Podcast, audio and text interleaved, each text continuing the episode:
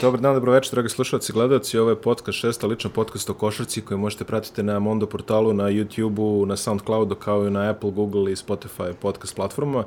Ja sam Miloš Jovanović i mog današnjeg gosta predstavit ćemo kroz jednu malu o, tragičnu priču o odrastanju. Kada sam imao 8 ili 9 godina, moj otac, naučni radnik, me je poveo zajedno sa sobom neki simpozijum, ne znam, nije više šta je bilo, na planinu Igman, sad sam se setio, nije bio rudnik, nego bi, uvek sebi govorim da je rudnik, ali nije, Igman je. I u ono vreme nije bilo tele, televizora u hotelskim sobama, nego je bila TV sala, a, bio je derbi, ja sam pošao sa svojim ocem da gledam, utakmica je bila koliko toliko u egalu, međutim negde u drugom polovremenu ulazi neki mladi, žuti tip, izgleda ko vampir manje više, ubacuje jednu trojku, drugu trojku, treću trojku, ja mislim da je bila i četvrta, mene izvode plačući, i ja ovaj dobijam traume za ostatak života. Taj čovjek je sada preko puta mene, Oliver Popović.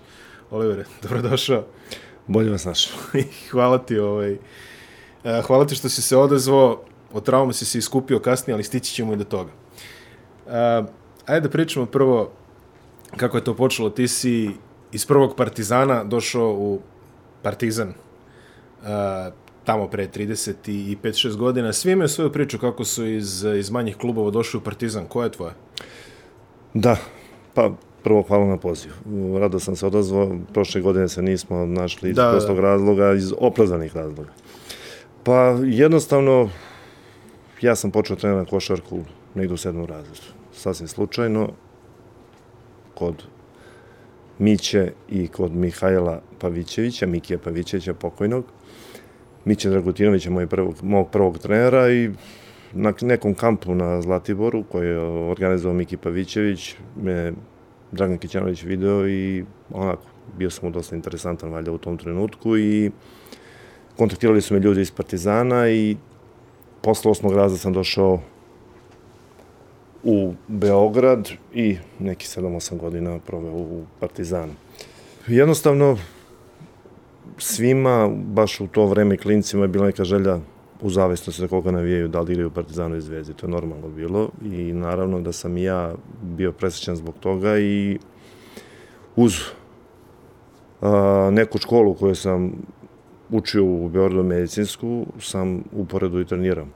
Ispostavilo se kasnije da su obaveze košarkaške mnogo veće nego što je planirano, nego što su moji roditelji planirali, tako da sam ovaj, više se posvetio tome nego nekoj moje želji da završim medicinsku školu i da postanem doktor. Na kraju sam se okrenuo totalno košarci, završio sam medicinsku školu naravno, ali nisam upisao fakultet. A, ti ulaziš u prvi tim još neki, čini mi se 87. ako se ne varam. Jeste, debi u, protiv Zadra u Zadru. O, pa dobro mesto. Mislim, nije debi, debi je za se tiče skidanja, nisam da, igrao, naravno, bio sam klinac, da. Ušao si u uh, jedan od najjačih partizana u istoriji tog kluba, u suštini. Znači, ti, čini mi se da si, da si zakačio već grbu na tvojoj poziciji kad si ovaj, Jesam, da je još uvijek bio tu. Grbović i Paspalj. Da, Grbović i Paspalj. Interesantna konkurencija za mladog krilnog igrača. Uh, Vlade Divac je tu, uh, Saša Đorđević je tu, posle dolazi Saša Danilović. Uh, Uh, to su o, Željko Obradović, Željko Obradović, Saović, Ivo Nakić. Da, da, da. Jedna ovaj, lagana, lagana konkurencija za ulazak u 12, da. Dobro, sve jedno si stigao meni da zagorčaš život. Ovaj, da. U nekom momentu meni je to izgledalo goren. Ali uh, trebalo je zaraditi minute u takvoj ekipi. Kako, kako je to izgledalo? Kako su izgledali treninzi? Pa, veoma različito nego danas. Ja sam u tom trenutku ne samo ja, nego većina mojih vršnjaka trenirali po tri puta dnevno. Čak recimo pre podne ako idemo u školu, neki trening od sat vremena od 6 do 7 ujutru na stadionu Partizana, pa onda na trening prvog tima posle škole, onda pravo s treninga prvog tima na trening e, juniora. I se trebalo zaraditi, na, te, na toj poziciji je bio Grbović, Paspalj, Ivo Nakić, jedni izuzetni igrači i, i u tom trenutku fizički mnogo normalno jači od nas klinaca. Uh, trebalo je zaraditi, slažem se, često je bilo i kritika od trenera tu kako u nekim trenucima ne možemo da čuvamo Grbovića i Paspalja, što nije realno bilo. Što nije bio realno. Ja sam imao sreću stvarno da su me obojica jako volela i da Uh, i neke, neke, neke grublje faulove su mi tolerisali maksimalno i tako, tako da nisam imao nikakvih problema. Trenirali smo jako, trenirali smo dosta po 5, 6, 7 sati dnevno, tako je bilo u to vreme. Stigao si da osvojiš evropski trofej za vreme ovaj, tvojeg mandata u Partizanu. Uh, osvojili ste kup Radivoja Koraća 1989. u finalu protiv Kantua. Ti si igrao u obe utakmice, u jednoj si se upisao u strelci, čini mi se u Beogradu. Uh, mislim da je obrnuto, mislim tamo da A sam, tamo sam, tamo sam se upisao, da, upisao, da, da. Negde si imao tri pojena, negde nisi imao ništa. Da, Jest. tako se nekako sećam. Pa da, da, dao sam neku trojku tamo, pa onda sam drugu promašio, pa je dole skočio normalno na mene, što je normalno na nekoga mora, na klinca i tako dalje. Jesam, malo sam učestvovao da u, u, u tome, malo, ne mnogo, ali jesam. Da, Da, bilo je bilo je prvo jugoslovensko polufinale sa Zadrom, koje ste ovaj uspešno rešili svoju korist i onda dvomeč eh, vi ste izgubili tamo sa, ajde, Lupiću 12-13, a kući ste pobedili sa 18-19, eto recimo, tako nekako. Evropski trofej je, čini mi se da li drugi ili treći u Partizanu, mislim da je treći. Da li su osvojili prvo dva kupa koraće za redom, pa je sad ovo bio treći. Um, kakva je atmosfera bila u hali sportova od starijih sam čuo da je to bila jedna od onih mitskih utakmica čuvenih koji se... Verujte, uh, ta hala sportova na Novom Beogradu, to je neverovatna atmosfera. Uh, bila je jako dobra atmosfera na toj utakmici i kasnije kad se renovirala hala protiv Arisa na otvaranju hale sportova, na renoviranju u Novom Beogradu. Neverovatno, to je, uh, ja ne znam koliko ljudi stalo tamo, bili su po onim prolazima, prepuno je bilo, bila je podrška svih 40 minuta. Jednostavno u takvoj atmosferi čovek ne može da ne igra dobro, da da svoj maksimum Partizan je u tom trenutku stvarno imao jako dobru ekipu i mi smo tamo malo i nesrećno izgubili sa tom velikom razlikom. Nije realno bilo da bude tako, se završi sa tom razlikom. Međutim, nadoknali smo na Novom Beogradu i uh, potpuno, potpuno mislim u toj sezoni zasluženo Partizan osvojio tu titulu. Da, jak je inače Kanto Antonello Riva, Jest. uh, Turner, Benson, ti Amerikanci su im bili dosta jaka ekipa, kasnije će se opet sresti sa njima u Beobanci, mislim sa, sa Kantom, izvinjam se. Nećeš ti u stvari, to će biti sezoni posle. Generacija posle, Da, generacija da. posle će biti. Ali ove, e, na kraju ti si otišao iz Partizana bukvalno na pragu njihovog najvećeg uspeha. Otišao si 91. u tadašnji IMT, danas Atlas, većina ga pamti kao Beopetrol. Uh, zašto si otišao? Činilo se da će baš u tom momentu će ti se otvoriti neko mesto, jer odlazili su i Đorđević i Danilović i mnogi drugi.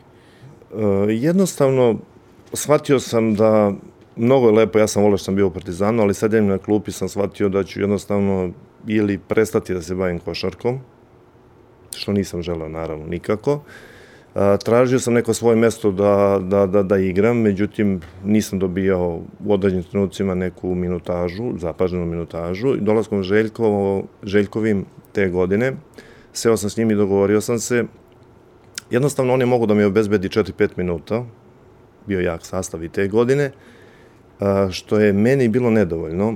Ja sam sa njim stvarno u fenomenalnim odnosima, on me je poveo na pripreme koje smo odradili zajedno sa njima u Budvi i na Koponiku, ali se znalo da ću da idem, jer jednostavno nisam bio zadovoljan sa 4-5 minuta, shvatio sam da ne može više da mi da i odlučio sam da odem u Infos RTM i da tražim neku svoju sreću na drugom mestu i da se malo zbiljnije bavim košarkom. Kako je bilo tada u MT-u? To je ekipa koja je kao jedini drugoligaš, ja mislim, u istoriji SFRJ osvojila kup tamo 87. 8. što sam sad i zaboravio, to je ekipa bila... U Nišu, da. Da, u Nišu. Uh, Šakota je Je bio Šakota trener. trener, Uh, Ljuba Luković uh, kao ono, stub kluba vlada, ovaj, uh, Rade Milutinović. Arsenije Pešić igrao za njih. Da, tada, a ovaj što je u Švajcarskoj Mlađan. Mlađan, Mlađan, da. da. da. On je bio valjda prvi strelac tog finala, čini mi se. Krečković e, i, i, i mnogi drugi. Kako je, ta ekipa je recimo ovaj, dosta, dosta igrača e, bivših igrača Jugoplastike s kojima sam pričao, su mi pričali da je to bilo jedno jako nezgodno gostovanje. Valjda su, čini mi se, baš utakmicu posle osvajanja svoje druge ili treće Evrolige izgubili No, u Beogradu, da, protiv yes. MT-a, da. Tako da puno njihove je pričalo o to. Pa, prešao sam u Infosertem, tamo je Muta Nikolić bio trener, Darko Rusa pomoćni trener. Imali smo jednu, da kažem, odličnu ekipu na papiru. Međutim, igrali smo katastrofalno te godine. Tu se skupilo dosta igrača, znači tu je bio Krečković, Ljuković, Luković, uh, Stefanović, uh, Lakićević, Vidačić, uh, Rade Milutinović, Gilić, ja, međutim, katastrofalno smo igrali te sezone, na pola sezone i Muta i Darko su napustili, došao je Opačić da bude trener i to se nekako završilo onako traljavo manje više po sve nas koji smo igrali tu i nije onako bilo kako je bilo planirano. Onda se nastavio si u borcu iz Čačka? Ja sam otišao sam borac iz Čačak sa Vladom Androvićem kao trenerom, to je bio pokojni Haris Brkić koji je pozdravljen iz Partizana i Mali Mihajlovski. I onda onako sezona, da kažem da smo se mi kalili, svi dobijali neke minute i posle tog borca sam odlučio da imam Spartak. Da, pre nego što odemo, ovaj, e, pre nego što odemo do, do Subotice, ipak ovaj, opet ono, moram da pitam što sam pitao ovaj, e, Zeca Milisavljević, Užičaninu u Čačku, kako je to bilo? Pa ne, prvo, ovaj, da, posle toga je došao i Mire Radošević. Pa nije bilo nikakvih problema, stvarno, oni su ljudi koji znaju košarku, koji vole košarku i ako daješ neki svoj maksimum, gde god da igraš, to je tako u principu, pa i u Čačku. Mada se generalno da, Užičani i Čačani kao ne vole. A, Spartak, jedna interesantna košarkaška priča 90-ih, ja sam imao priliku i kao gostujući navijač da budem u, u Dudovoj šumi. A, interesantna ekipa koja je uvek bila tako negde da kažemo, išla je od trećeg do sedmog mesta, zavisnosti od, od sezone do sezone, ali opet ekipa koja je iznadrala jedan veliki broj interesantnih igrača koji će imati zapaženu ulogu u našem prvenstvu. Uh, sa tobom konkretno bili su Vladimir Đokić, uh, Dragan Mar... Nezimir Čanak bio isto. Dok se... Čanak je bio posle. Čanak je bio posle. Da. Uh, Dragan Marković, uh, bio je jedan play plavokosi, kome sam sad zaboravio ime, igrao protiv tebe kad si kad si bio u Zvezdi, tamo 98-99. Levoruki lik. Jaramazović. Ja, Jaramaz. Moguće. Boban. Moguće. Jaramazović, da, Jaramazović, Jaramazović, da, da, da, Jaramazović. A, bilo je, bilo je dosta interesantnih igrača. Ti si sa Spartakom ostvario jedan veliki uspeh, a to je plasman u finale tadašnje Kupa Jugoslavije. Ali eto, počne ovaj, sam početak, kako dolaziš u Suboticu i kako je bilo iskustvo igranja tamo? Uh, pa, tadašnji predsjednik Spartaka Čabarka, pa je imao neku stvarno prilično simpatičnu viziju. Doveo je Đokića iz Valjeva, za koga niko nije čuo u tom trenutku stvarno, mene iz tog borca, ja sam tu bio u Partizanu, pa se nešto pričalo o meni kao i tako dalje. E, Koturovića, Miškovića, Dragana Aleksića, Blagoja Ivića, Jarmazovića, Kmezić je napravio jednu sasvim, sasvim solidnu ekipu. I Dragana Markovića iz Kruševca, kažem, to su neka sva deca koja nisu bila poznata, tako? U tom trenutku niko nije čuo za njih. Vladimir Đokić iz Valjeva, svi su se pitali ko je dečko šta je, međutim znamo da je posle igrao veoma, veoma kvalitetno, mislim da je čak i zaslužio ne jedne godine da bude u reprezentaciji, ali jednostavno takva je konkurencija bila pa nije prošao. Uh, napravili smo jednu ekipu koja je bila stvarno dosta kvalitetna. Prva godina naša u, u, u, u, u Spartaku je bila onako dosta turbulentna, ne toliko kvalitetna kao ova, kao ova, druga, kao, kao da. druga, što je sasvim normalno, nova ekipa, nove treneri. 9-3, 9-4, uh, to, jer to ona sezona sa 32 kluba ili to sledeća? 4 puta 8. Da, 4, 4 puta 8, 4 da. puta 8, 32 kluba je bilo, to je da, ta uh, sezona. Međutim, uh, druge godine smo igrali mnogo bolje, stvarno. Uh, već druga godina zajedno, došao je i Tadić i napravili smo uh, jednu dobru, dobru ekipu koja je igrala i kući i na strani dobro. Za Spartak je uvek važilo da kući igraju dobro kad dođe na stranu da su katastrofalni, međutim te godine stvarno to, te dve godine nije bio slučaj. Igrali smo dosta dobro, dobro smo trenirali, napravili dobru atmosferu, tako da e, i došli do tog nekog e, finala kupa. Finalna kupa, e, finalni turnir kupa je bio u Čačku. Jeste, u Čačku, polufinale smo igrali sa Crvenom zvezdom. To je bio veliko iznenađenje, eliminisali ste Crvenu zvezdu posle jedne odlične partije. Slažem se, pa te četiri ekipe i BFC, drugo polufinale BFC Partizan je bila izuzetno zanimljiva utakmica. Partizan je to jedva dobio. Jedva dobio tu utakmicu u polufinalu. Mi smo dobili zvezdu na iznenađenje, naravno, svih, ali kažem, generalno sve četiri ekipe su bile jako dobrog sastava, jako dobrog sastava. Za nas nije bilo iznenađenja. Čak smo mi tu finalnu utakmicu s Partizanom odigrali dosta dobro, nažalost, izgubili. Trener je bio Rajko Toraman, da dodamo i to. Jesam, mi smo počeli sezonu sa pokojnim Zoćom Kovačevićem, koji se razboleo, pa je Rajko došao umesto njega i tu sezonu smo igrali sa Rajkom, ja kažem, došli do, do, tog, do tog finala, finala kupa, igrali dosta dobro. Kolega Neša Kiš ovaj, je napravio mali, mali prilog oko toga, možete pogledati ovaj, e, na YouTube-u svako ako vas zanima, ima, ima tu i snimak e, da. ispresjecano može da se vidi ovaj dosta. Vraćaš se u Beograd iz Subotice, Uh, samo ćemo još jednom ponoviti da je Subotica ovako jedno pocenjeno mesto na jugoslovenskoj košarkaškoj mapi, bar što se 90-ih tiče, to je bio jedan od onih čuvenih, svi kad pričaju o vrućim terenima, uglavnom pričaju o Kraljevu, Čačku, uh, Kruševcu, čak i Crnoj Gori dalje, ali Spartak je bilo izuzetno nezgodno gostovanje. Pa jeste, uh, tamo ne možemo da pričamo o nekoj publici koja je vrela, ali tako je tamo malo više pozorišna atmosfera, međutim, stvarno, tih godina veoma teška gostovanja su bila za sve, za sve e e ekipe u, u Subotici. Kažem, dosta dobrih igrača je prošlo i generaciju dve pre mene i generaciju dve posle mene. Žao mi je što je Spartak danas na ovom nivou na kom jeste. A, odlaziš iz Spartaka u Beobanku, puno priča smo čuli o, o, o Beobanci u poslednje vreme u ovoj emisiji, nećemo se opterećivati još jednom, ali uh, ipak ono što bi želeo da ispričaš je koje je tvoje iskustvo rada sa profesorom Aleksandrom Nikolićem, jer svi imaju neki vic e, vezano za njega. Uh, prof je uvek imao za svakoga nešto da, da poruči. Ko je, ko je tvoj iskustvo? Mislim, ti si ga yes. sretao, pretpostavljam, i u Partizanu, ne. ali... Pa nisam ja imao pre... A on je, on je ovaj, došao tek kontakt, sa... Da, da, da, da, ja sam otišao iz Partizana, došao da radi sa Željkom, tako da to je bio neki moj prvi kontakt. Pa na insistiranje Darka Rusa ja sam došao u Beobanku i na moju sreću sam imao ovaj, tu čast da radim sa pokojnim profesorom te dve godine iskustva su zavisnosti od toga ovaj, kako je profa bio raspoložen. Uglavnom, trenili smo mnogo jako, da, kod Arka se inače zna da trenira se jako, znači došao i profesor i onda se to, da kažem, i pojačalo i zahtevi su se pojačali. Izuzetno jedno prijatno, lepo iskustvo u mojoj karijeri i zahvalan sam što sam uopšte mogao, imao čas da radim sa njim. E, to je čovjek genijalac stvarno genijalac, kažem, morali smo malo se prilagodimo njegovim zahtevima koji su uvek bili preveliki, koji je bio je sitničav, bio je do detalja se, morali su se rade, ne se znaju neke stvari, neverovatno duhovit, neverovatno duhovit i na terenu za vreme treninga i između i posle treninga u pripremama nekim za utakmicama i tako dalje, jedan genijalac prosto rečeno, genijalac. Imali ste dobru sezonu 9-6-9-7 kada ste jedno vreme bili i prvi, kada je štampa ovaj, eh, vas je predstavljala kao mali partizan u suštini, jer manje više svi ste tamo igrali u Partizanu u jednom da, momentu. Da, da, da. Ti, eh, Stragi, eh, Dragiša Šarić i tako dalje. Koprivica. Koprivica, da.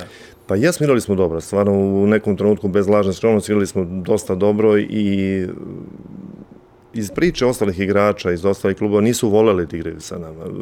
Jednostavno, Darko je volio da menja te odbrane, igrali smo dosta različitih odbrana, igrali smo dosta jako i čoveka i neke zone koje on menjao i tako dalje i svi su se spremali za utakmice. Jednom trenutku jednog dana, ne znam, selili smo da pijemo kafu, došao je pokojni Haris Brkić i u kafić i ušao je, kaže, sa šalom, evo došao sam sa Čekićem, šta će mi Čekić, da razbijam vašu zonu i tako. Znači, bukvalno nisu voleli, ali igrali, igrali smo dobro, imali smo dobru ekipu, stvarno, te godine trenirali smo dobro, dobra atmosfera bila do jednog trenutka gde smo ovaj, pali, izgubili to prvo mesto i na kraju u polufinalu izgubili od FNP-a. Uh, dok si bio u Beobanci, javnost je malo, mislim, uh, ovi koji nisu imali dečje traume od tebe su naučili, ovaj, su malo čuli za tebe. Uh, I javnost je tada pričala o prelasku u Olimpijakos. Uh, jeste, moje druge sezone, na pola sezone se javio Olimpijakos, tada je Ivković bio trener, Minić pomoćni trener, javili su se klubu, Darku i meni da bi želeli da me angažuju, da.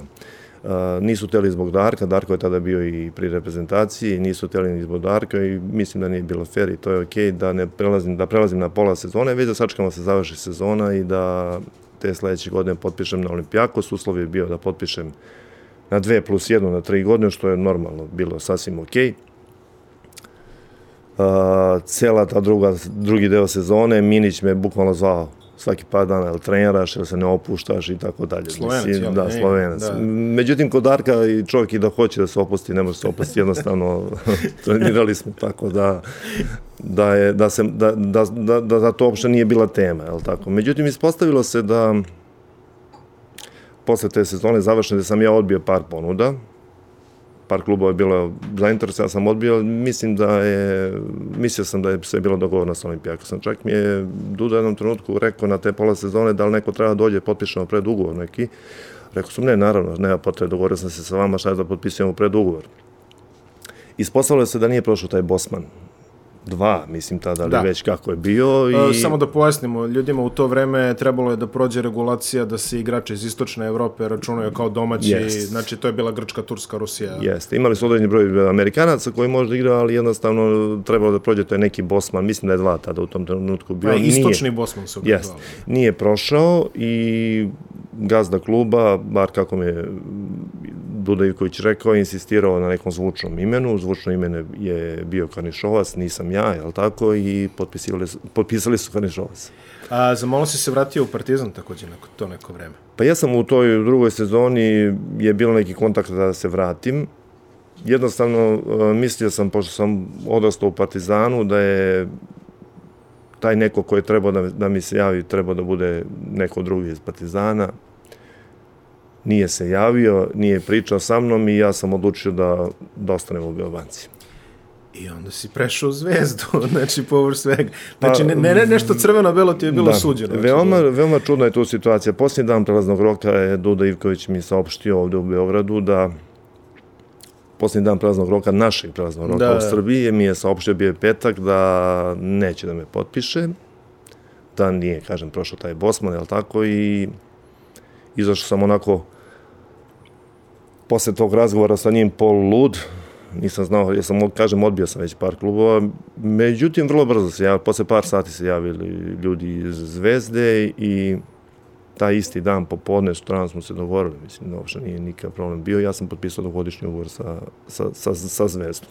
Ostao si ove godine. Uh, igrao si Euroligu, ali prvo da se pozabavimo šampionskom sezonom 9-7, 9-8, to je bio kompletno novi tim.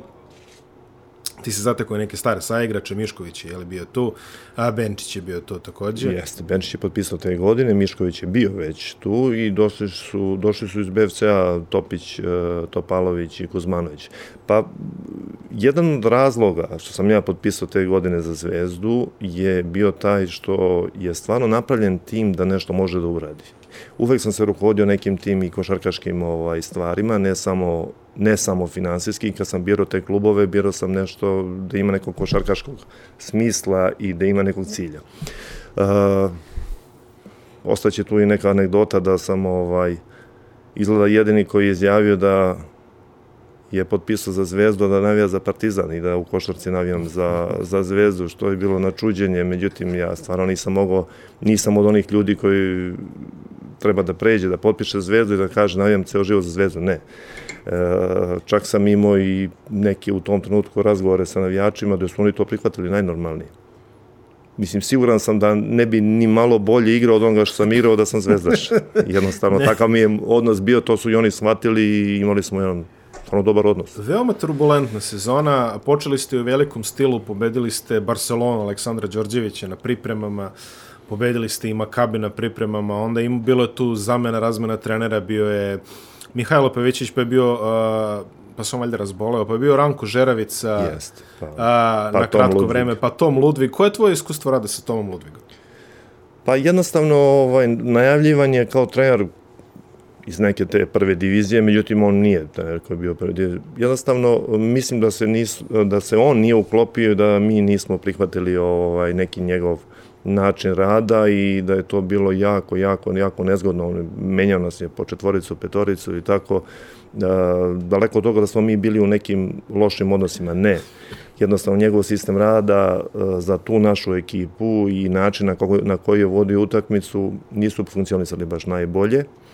Trudili smo se, stvarno niko njega, njega nije bojkotovao taman posla. Mislim da su u tom trenutku u sastavu Zvezde bili sve jedni igrači koji su hteli i želeli da daju najbolje i niko od njih, kažem, ni ja, ni niko od ostalih igrača nije bojkotovao trenera. Jednostavno nismo se uklopili, nismo se našli i došlo je do njegove smene.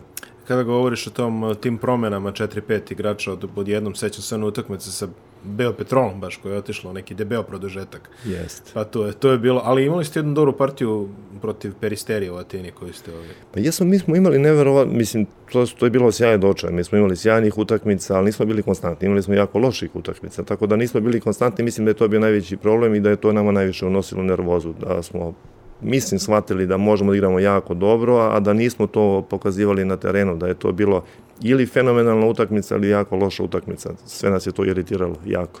E, te sezone ste, osim što ste osvojili e, titulu posle, posle pauze od e, četiri godine, imali ste put do finala Kupa Radivoja Koraće, tu si ti odigrao neke jako dobre utakmice, recimo pogotovo, pa ja pamtim protiv turskih predstavnika, protiv Daruša Fake, i protiv Kombasana. Kombasana. Nekima si dao šest trojki, mislim da je bio Kombasan, sad ne mogu, da, se, ne, mogu, ne mogu da se Moguće setim. da je tačno. Ne, ne mogu da se setim. A, dve utakmice, dve serije ćemo izdvojiti iz celog ovog pohoda. Ovaj, prva, prva je polufinalna serija protiv e, Šolea, u kojoj ste pobedili sa neograničeno u, u Beogradu, a onda u jednom momentu, ja se sećam, za malo i prokockali to u Francuskoj, a druga naravno finale sa, sa Mešom iz Verone. Pa jeste, prva utakmica Šale je jedna iskusna dobra ekipa gde smo ih stvarno demolirali u Beogradu i odigrali smo, mislim, preko 30 pojena smo dobili da. pretposljednja. 32, čini mi se. Veoma lako i mislim da je to uticalo da odemo u Francusku dosta opušteno i da smo mislili da će lagano da... Međutim, ta, taj Šole inače te sezone je nenormalno dobro igrao u kući. Nenormalno dobro igrao u kući i kažemo li su jako dobra ekipa bili. U jednom trenutku smo bili na granici da prokockamo tu prednost. Srećom, mislim da je tu utakmicu Bolić Zlatko povukao jako, jako dobro gostima tamo, da je prevozdao na sebe i da se mi smo izgubili tu utakmicu tamo ubedljivo. Uh mhm. -huh ali zahvaljujući, mislim, Boliću, baš Boliću, da smo se izvukli i nekako prošli, nekako prošli do tog finala. Znači, pocenili smo ih maksimalno, mislili smo da će tamo bude lako, međutim, bili smo apsolutno nespremni sa glavom za tu utakmicu i, kažem, zahvaljujući Boliću smo uspeli da se ovaj vratimo, trgnemo i da prođemo do finala. Isti slučaj se desio i sa, sa Mešom. Samo obrnuti. Jeste. Mi smo tamo dobili utakmicu šest razlike dobro odigranu utakmicu, možda je mogla bez nekih greškica da se završi sa ve, većom razlikom za nas, ali jedna stvar se desila, ekipa Meša je kući odigrala šuterski veoma loše. Znači sve neke te otvorne šuteve koje su mm -hmm. promašili u Veroni su nam u Beogradu dali. Uh, mislili smo pošto smo dobili tamo šest razlike, to je već počelo slavlje unapred da će da... Čuo sam da ste gledali pehar u Hajatu. Jest, i, jest. Da... Svašta je tu nešto bilo, ovaj, mi smo to dobili unapred, a jedna ozbiljna ekipa, stvarno. Iskusna ozbiljna ekipa. I mi smo je dobili unapred, slavili smo već unapred, osvojili smo titulu već unapred i onda je došao taj Beograd, gde te iste stvari koje smo grešili u Veroni, u Beogradu su sve pogodili pogotovo znate onu utakmicu, yes, znate onu utakmicu kada igrate i gubite 5-6 razlike i dajete maksimum i spustite na 2 i ne možete nikako da je prelomite, pa oni opet vrate na 7, 8, 9, 10 razlike, pa vi opet date maksimum, ne ide vas, a njih ide sve. Eto, tako se pogodila ta utakmica, kažem, nismo bili spremni za tu utakmicu opet, Nije bila tolika razlika, naravno, kao u prvoj utakmici, ali ovaj, greške koje smo radili u, u Veroni, gde nas oni nisu kaznili, u Beogradu su nas kaznili. I ti daješ trojku koja se poništava uz faul sa 10 metara iz nekog koraka pa, tamo na kraju. Jeste, da, to je Jova Stanović skinuo loptu i svirali su faul u stvari nad njim. On da. je meni dao loptu, ali pre toga je sviran faul, ja sam dao tu trojku to je, nije, koja nije priznata i nažalost nismo osvojili, nismo osvojili Koliko je bilo finale. teško regrupisati se za jako bitno finale u domaćem prvenstvu, mislim za play-off seriju u domaćem prvenstvu, tu je došlo posle do smene trenera, vratio se Mihajlo Pavićević, eh, Lala Lučić je yes. napustio klub i št, kako, kako je to izgledalo? Pa generalno ta sezona je bila veoma teška, dosta promena trenera, masu puta smo se mi nešto dogovarali između sebe, jednostavno tako je bilo. Dođe jedan trener, drugi trener, treći trener, svaki ima neke svoje zahteve, to je jako teško bilo uklopiti se. A, pa teško je bilo. Veliku stvar je tu učinio možda i FNP povodom partiz, nad Partizanom, tako da nam je, ne mogu da kažem olakšao, FNP imao jako dobru ekipu i jedva smo ih dobili u, u, finalu. Ali kažem, jedva u, iz prostog razloga što mi smo u toj sezoni promenili 4-5 trenera. Nenormalno je teško Mihajlo, igrati. Žerevica, Ludvig, Lale, Mihajlo, pa da, Pa to da, je to. mislim, to je to. Tako da je bilo jako teško igrati, međutim, ispostavilo se možda da smo osvojili taj, uh, to finale, možda ne bi osvojili titulu, ne bi bili A prvi. se negde- Moguće, tako, tako da, eto, uspeli smo, uspeli smo, da. E, onda ide sezona 9-8-9, jedan radikalni rez, e, napušta ekipu pola, dolazi druga polovina, dolazi Jestratijević, e, dolazi Stevan Peković, e, a, ostaje, odlazi Željko Topalović, e, ostaje Milenko Topić, e, veća uloga za Rakočević, za Radmanović dolazi iz juniora. A, vrlo atipična sezona jer e, prvu polovinu Evrolige ste sve utakmice, osim one prve protiv Cibone bez publike, i Makabija igrali u gostima, zato što je bila pretnja bombardovanjem u Jest. oktobru i onda ste sve morali da iselite u goste i bilo je tu i nekih onako solidnih utakmica, sećam se Panathinaikos tamo, uh, Efes tamo nije bilo toliko lagano, Madresu tamo smo isto izgubili i onda utakmica protiv Makabi u Beogradu, Igor Rakočević koji valjda oko sveš sa neke operacije slepog creva, čini mi se, dolazi a Radmanović koji po temperaturom pogađa neke poene, tada je Đaković, čini mi se bio trener Jest, na jako jest. kratko. Ali sezona se okreće pobedom u Zagrebu. Jednom od eh, najluđih utakmica koju sam imao priliku da gledam. Kako je to izgledalo? To je, čini mi se, prvo gostovanje Crvene zvezde u, u Hrvatskoj posle, posle raspada zemlje. Pa jeste, mi smo to drugu sezonu, nažalost, promenili dosta, dosta ekipu. Uh, Jednostavno, ja nisam ni u nekim razgovorima nisam bio za to da se toliko, ok, da se dovede ono što nam treba, jedan, dva, tri igrača, da se ostavi kostur ekipe od prethodne sezone, mislim da bi mi mnogo bolje igrali i da bi bio mnogo bolji rezultat te sezone, međutim, odluka predsjednika kluba je bila takva da i trenera da se promeni gro igrača, trebalo je vremena da se to uigra, mi smo imali tu i promenu kondicionog trenera pred sam, samo prvenstvo, početak prvenstva i način rada i tako svašta nešto se tu izdešavalo. Ovaj, ta utakmica u Zagrebu, da, ja sam napravio faul nad Grgatom, A čuveni faul nad Grgatu. a, gde je bio na ziceru i gde sam To je faul da- koji je sviran posle isteka. Jeste, ovaj, gde sam neke i kritike pretrpeo, ovaj, jednostavno ja čoveka da sam pustio da zicer mi bi izgubili utakmicu. Ovako, on, on je promašio oba bacanja, pa smo na kraju dobili tu utakmice. Čo, da, Tako- da, mislim, tako je za, za ljude koji nisu gledali centar, Ivan Grgac, čini mi Jeste, se Ivan zove, Grgat. je Ka, promašio- kasnije moj neki saigrač u Marusiju, da. je promašio dva slobodna bacanja nakon isteka vremena. Jest. I onda smo mi tu utakmicu dobili i preokrenuli i počeli dosta bolje da igramo. Ta sezona, ako se sećaš, je stala opet u neku jednu loptu, Da. da je Beobanka dobila budućnost Jest. na Novom Beogradu, gde je jedan igrač Beobanke promašio Naćvej. Stevan Naćvej, da, Da. promašio je Zicer, da je dao koš, Zvezda bi opet osvojila prvo mesto. Da, zato što su- play-offa nije bilo. Zato što play-offa zbog bombardovanja nije bilo.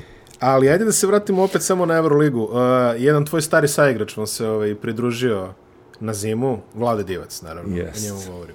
Uh, ja pamtim jako dobro atmosferu oko te utakmice Protiv Žalgiris. protiv Žalgiris. Ne protiv Orteza, Da, to, to ne mora. Žalgirisa. Protiv Žalgirisa utakmice koja je odigrana na Božić 1999. Um, Žalgiris je trebao da dođe u Beograd pojačan sa Sabonisom, koji je bio sve sredio. Mi smo došli tri sata. A bio led, bi- bila je zima, bilo je strašno. Mi smo došli tri sata smo došli ranije pred halu. A, I a nas dvojica, a ja još ovaj, a, ja uništio ligamente na skočnom i onda ovako šepam. Izašao iz gipsa sve. Nisam išao na Manresu zbog toga, na primjer. Propustio jednu od, jed, jednu od ređih pobjeda. I e, dolazim, e, dolazim u pio, ispred pionira tri sata pre, red je 100 metara. Mi nekako ulazimo. I ja mislim, kad, kad je izašlo zagrevanje, kad je izašla ekipa Žalgirisa i kad smo videli Sabonisa u civilu, mi smo znali da pobeđujemo. Kako je to izgledalo tebi? Pa, Prvo, Samo da pregledam, ti si odigrao odličnu utakmicu, dao si jednu šest asistencije, čini mi se. Pa jeste, nije, nije bilo loše ta utakmica, koliko se sećam, da, nije bilo loše. Pa jednostavno, cela situacija je bila čudna, sam dolazak divca je bilo onako neočekivano maksimalno, je tako? A, veliko interesovanje za tu utakmicu, trebao je da igra Sabonis, do, znaš da je gledao iz, iz prvog reda u civilu, nije igrao, očekivali su svi taj duel Divac Sabonis, jednostavno nije došlo do toga, ali mi smo odigrali dobru utakmicu, atmosfera je bila fenomenalna. Pionir je bio prepun, pa Da. se, sećaš se, Divac je, iako nespreman, poprilično odigrao jako dobro tu utakmicu. Izuzetno. Jako dobro odigrao tu utakmicu. Mi smo, eto, koliko generalno, znači ta neka igra se zasnivala normalno kad je on došao na njemu. Mi smo to probali da pratimo, dosta igrača je to imalo koji ga je dosta dobro pratilo i dobili smo utakmicu iz Žalgirisa koji je toj sezone bio stvarno Prvak jedna, jedna nezgodna, nezgodna, nezgodna ekipa. Sjajna atmosfera, stvarno je to neke, to je jedna od utakmica koja se ne zaboravlja, da. Posle bio je taj poraz u Ortezu, onda pobeda protiv Fenerbahče od 30 razlike u, Jeste, da, ali... u Beogradu, čuvena scena u kojoj Ibrahim Kutlej pogađa sa 11 metara, pa mu Joca Antonić baca kosku u, po- u povratku u odbranu. Pa mi smo imali šarenu te, te, te godine. I onda repriza, ja bih rekao repriza utakmice protiv Meša, utakmice protiv Orteza u Beogradu kada je bilo za ispadanje, čini mi se.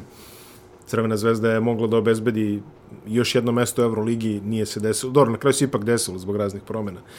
Ali tad je to bilo predstavljeno i, i to je bila jedna od onih. Gubiš 6-7, pa dođeš na Jest. 2, pa... Jeste, vezane ruke, vezane noge, uh, jednostavno ima takvih utakmica da igraš je, daješ sve od sebe maksimalno, ne ide ništa i ne možeš nikako da je prelomiš, a sve gubiš 2, 4, 5 razlike, nažalost, i tako se i završi utakmica. Izuzetna partija Lorana Foarea, njihovog Jest. igrača. Leva ruka, izuzetan igrač. Kasnije čini mi se igru za Baskoniju. Pa jednostavno, to su sve ekipe bile u jednim Da, da, da. izuzetnim sastavima. To, A, taj Ortiz je bio redovan. Mislim Jest. da su i, i, i Partizan i Crvena zvezda su igrali sa njima manje više svake sezone. Ja mislim da nema sezone da nismo gledali braću Gadu u Beogradu. Jeste. I, I pogotovo tamo kući su bili neverovatno nezgodni, znači neverovatno, igrali su tvrdo, disciplinovano, ne, ne, jako, neverovatno, neverovatno. Tako utakmica u Beogradu, kažem, izgubili smo. To je jedna od onih utakmica gde baš kad te ne ide, ništa te ne ide, a tu si blizu, ne možeš da je dobiješ nikako. Pa takva je bila i u Pou, čini mi se. Jest. Utakmica koja počinje za ukucavanjem vlade divcem je već ono. Misli, mislili smo da smo dobili, da. da. Nažalost, ima se se 40 okačio minuta, obruč. i- Da, da, bilo je, bilo je, bilo je jako neugodno. Uh, Oliver, ti si u karijeri igrao derbi sa obe strane. Uh, ostvarivo si uh, pobede u, u Partizanu, prevashodno si pobeđivo. Ovaj, ja, ja mislim, mislim Partizan je bio dosta jak tih godina. U Crvenoj zvezdi imao si vrlo šareno iskustvo. Izgubio si sa 30 razlike na Delta trofeju. A, izgubio si u prekinutom derbiju. A, pobedio se sa 20 razlike u drugoj sezoni i pobedio si tvojom trojkom iz Ćoška. Pa, ja dok sam bio u Partizanu, bio sam u sastavu na mnogo derbija, ali nisam na mnogo derbija učestvovao ja, kažem, igram svojom, osim taj koji ti pamtiš po lošem. koji ti pamtiš po lošem. Bio još jedan tu gde, ovaj, gde sam učestvovao, gde smo isto dobili, ali kažem, koš, košgeterski nisam toliko učestvovao. Mm -hmm. Jel tako? Što tiče uh, sa, sa ove strane zvezde, da, bilo je šaroliko, bilo je ovako i onako, taj kako je prekinut, uh, pričaš onome kad je ona raketa ispaljena, tako Da, prekinut da, derbi, da, mislim da je to, da, da, da, da, bilo je, uh, Koji je Zvezda, čini mi se, i tako i tako gubila. Jeste, gubili smo, pa je prekinut. Bilo je i pobjeda i poraza, da, bila i, bio i taj gde sam ja odlučio tom nekom posljednom, uh, posljednim šutem u posljednjoj sekundi. Ali mislim da su generalno sve te utakmice izuzev te pripremne u Da, je Delta turniru bile izuzetno interesantne i bile su oba sastava jako dobra. A, derbi je nešto što nažalost e, zbog nekog ovog sad sistema takmičenja da je ABA liga i da je domaća liga, da je većina ovih naših domaćih igrača ne mogu da neće doživeti, neće uspeti da igraju protiv Zvezde i protiv Partizana, a i sam derbi, kažem, treba doživeti, to je nešto specifično jako. Uopšte nikad nije bilo bitno da li je Partizan jači ili slabiji ili Zvezda jača ili slabija, uvek su ti derbi bili izuzetno neizvesni i nabijani ako energijom, emocijama i tako dalje. S kim si vodio najveće bitke u derbijima i kao igrač Partizana i kao igrač Crvene zvezde? Pa, obično kad sam ono čuvao nekoga, najteže mi je kao klinac bilo kad me Dule uvede i kaže aj čuvaj Nešu Ilića. I ovaj, Neša je jedan e, pretalentovan napadač bio da je na milion načina može da ti da koš i sad kao ajde uđeš i da ga čuvaš. Veoma teško bilo. Kasnije uh, u ovim uh, nekim derbijama, da kažem malo ozbiljniji, obično je to bilo protiv Mireta Radoševića, Berića, protiv Harisa Brkića, gde su bili izu, izuzetni napadački igrači, jedan i, i, i, jedan i, i Mislim drugi da i treći. Pa nisi igrao protiv Berića u derbiju, ali... Onda možda bio banka, možda sam Da, pomešao, da, da. možda ili obrnut, ali Haris, Radoševića jesi, Harisa jesi. Haris i Radošević neverovatno teški za čuvanje jedan i drugi, tako da bilo je tu duela, mislim, razno raznih stvarno.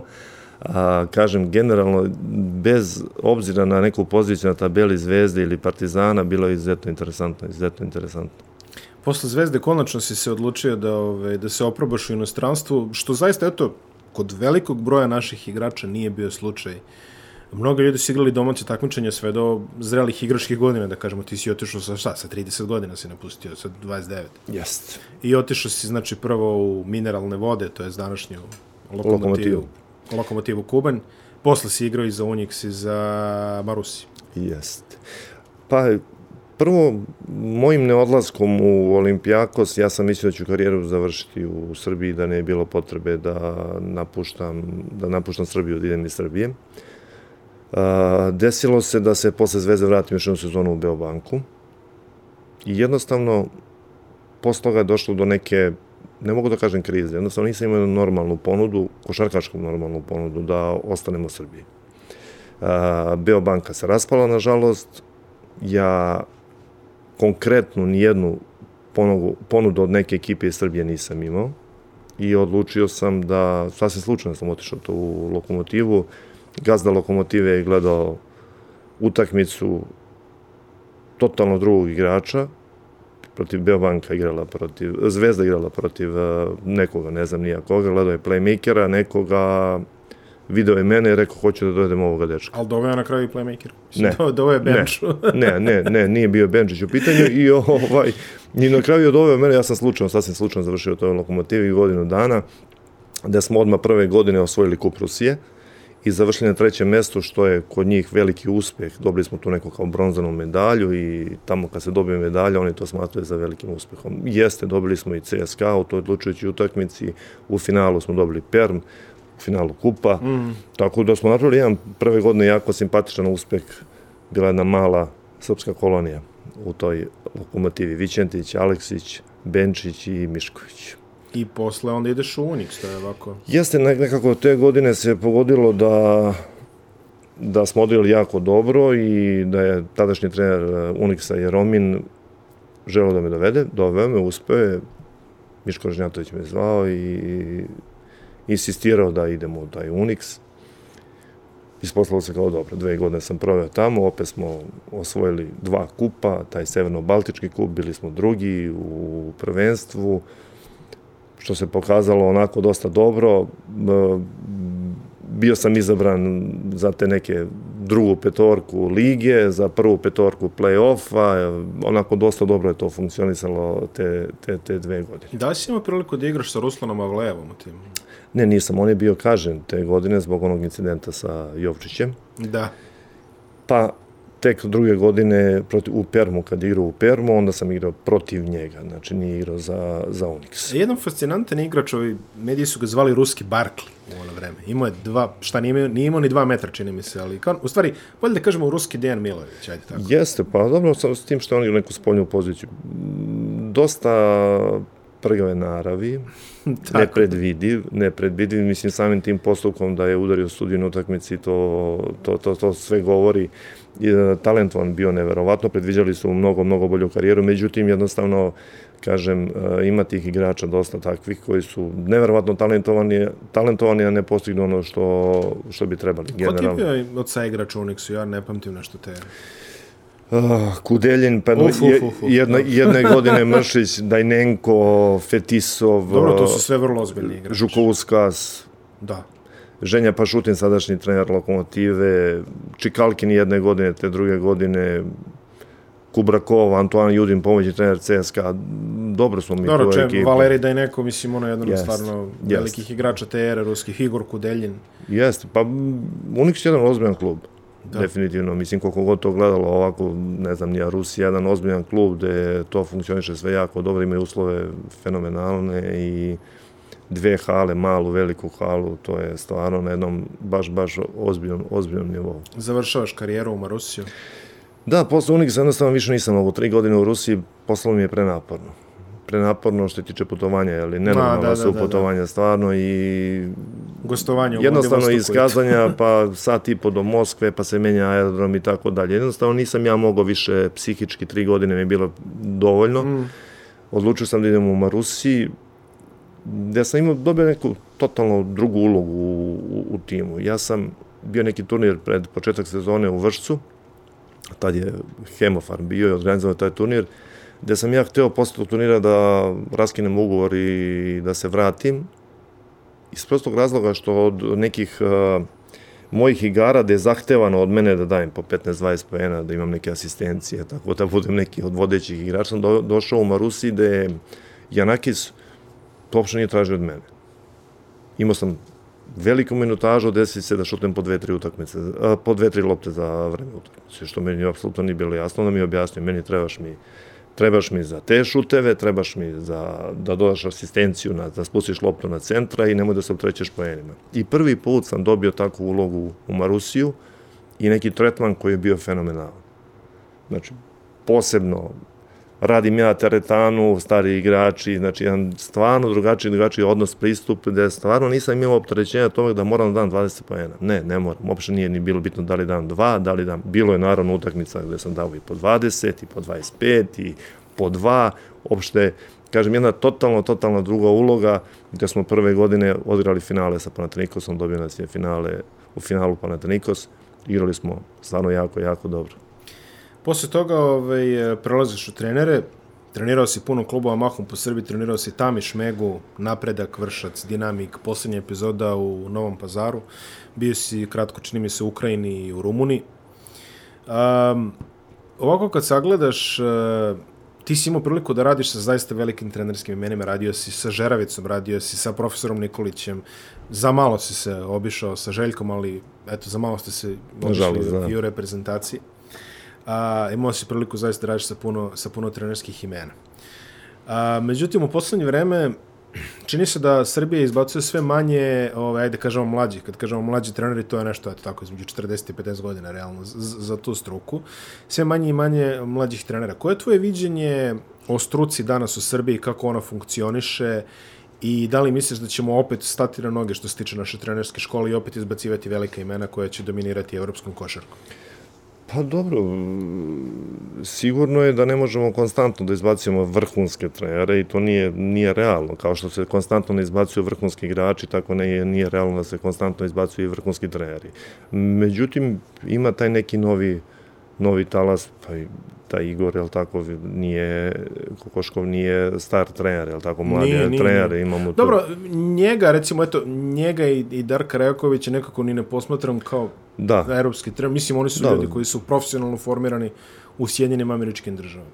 Ali, eto, Ali, evo, na primjer, sad, konkretno, Milo je radio dobar posao u Jest. Megi, jel tako, mislim da je nedovoljno dobijena šansa i otišlo mu je u posljednje prav, u, pogrešnom pravcu to neka, neka, neka njegova trenutno pričam trenerska karijera Vlade Jovanović koji se vratio u Megu i ovo pokazuje da je da je dobar trener i siguran sam da je dobar trener i on to jeste samo što kažem, e, neke odluke u nekom trenutku malo vas odvedu u pogrešnom pravcu.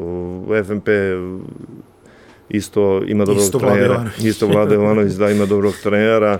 A, mislim, sad smešno pričati Saši, Saši Obradović, Saša Obradović je već par Da, da, godina da, da, jedan da. ozbiljan trener, sad uh, kažem kako u kom pravcu će to da ide, to je ovaj već naravno naravno pitanje, ali generalno mislim uh, da nije realno da očekujemo da stalno imamo neke vrhunske trenere, u, kažem vrhunske trenere da to konstantno bude. Znači, mislim i dalje da u Srbiji se radi dobro, da ima par trenera a, koji imaju perspektivu da bi se sve to poklopilo, da bi se poklopile ko, kockice, toliko to, toga treba da se desi. Toliko treba, toga treba da se desi da i rezultatski, danas svi traže rezultat, nažalost, niko nema strpljenja da pravi trenera.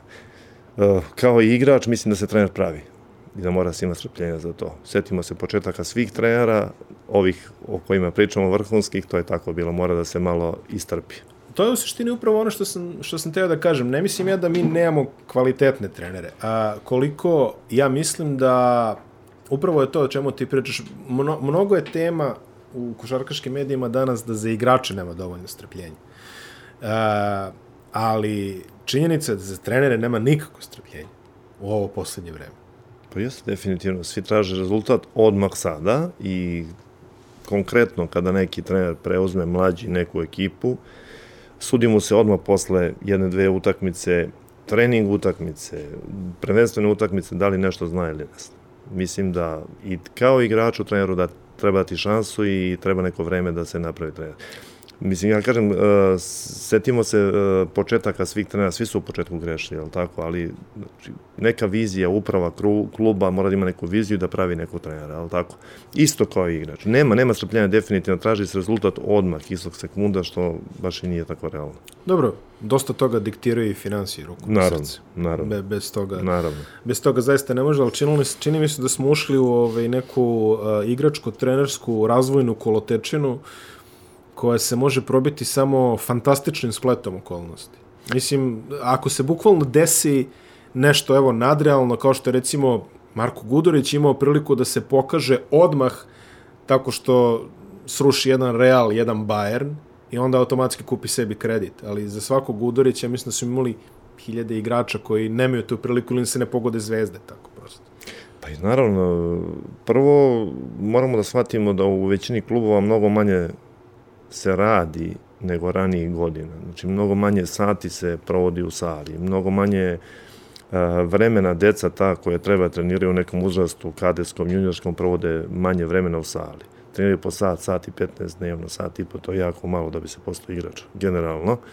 Samim tim, ako oni treniraju sat i po, sat i 15 i treneri rade sat, sat i 15 i to nije nikako u redu. Znači, u većini klubova je to, nažalost, tako. Ja pamtim neka ta srećna vremena da se treniralo po dva, tri puta dnevno, da su klubovi koji igraju sad drugu ligu, koji su igrali drugu ligu, koji nisu Zvezda i Partizan, trenirali dva puta dnevno. Nažalost, to se sad ispostavilo da većina klubova trenira dan put dnevno, pogotovo ove druge lige. A, pogotovo deca, deca u nekom uzrastu kadeta i juniora, a, treba, moraju trenirati dva puta dnevno. Sat, sat i 15 dnevno je ja, jako malo. Ako žele da postane. A ako žele da se bave ovim sportom. Danas je umetnost definitivno, ja imam dete koje je 13 godina,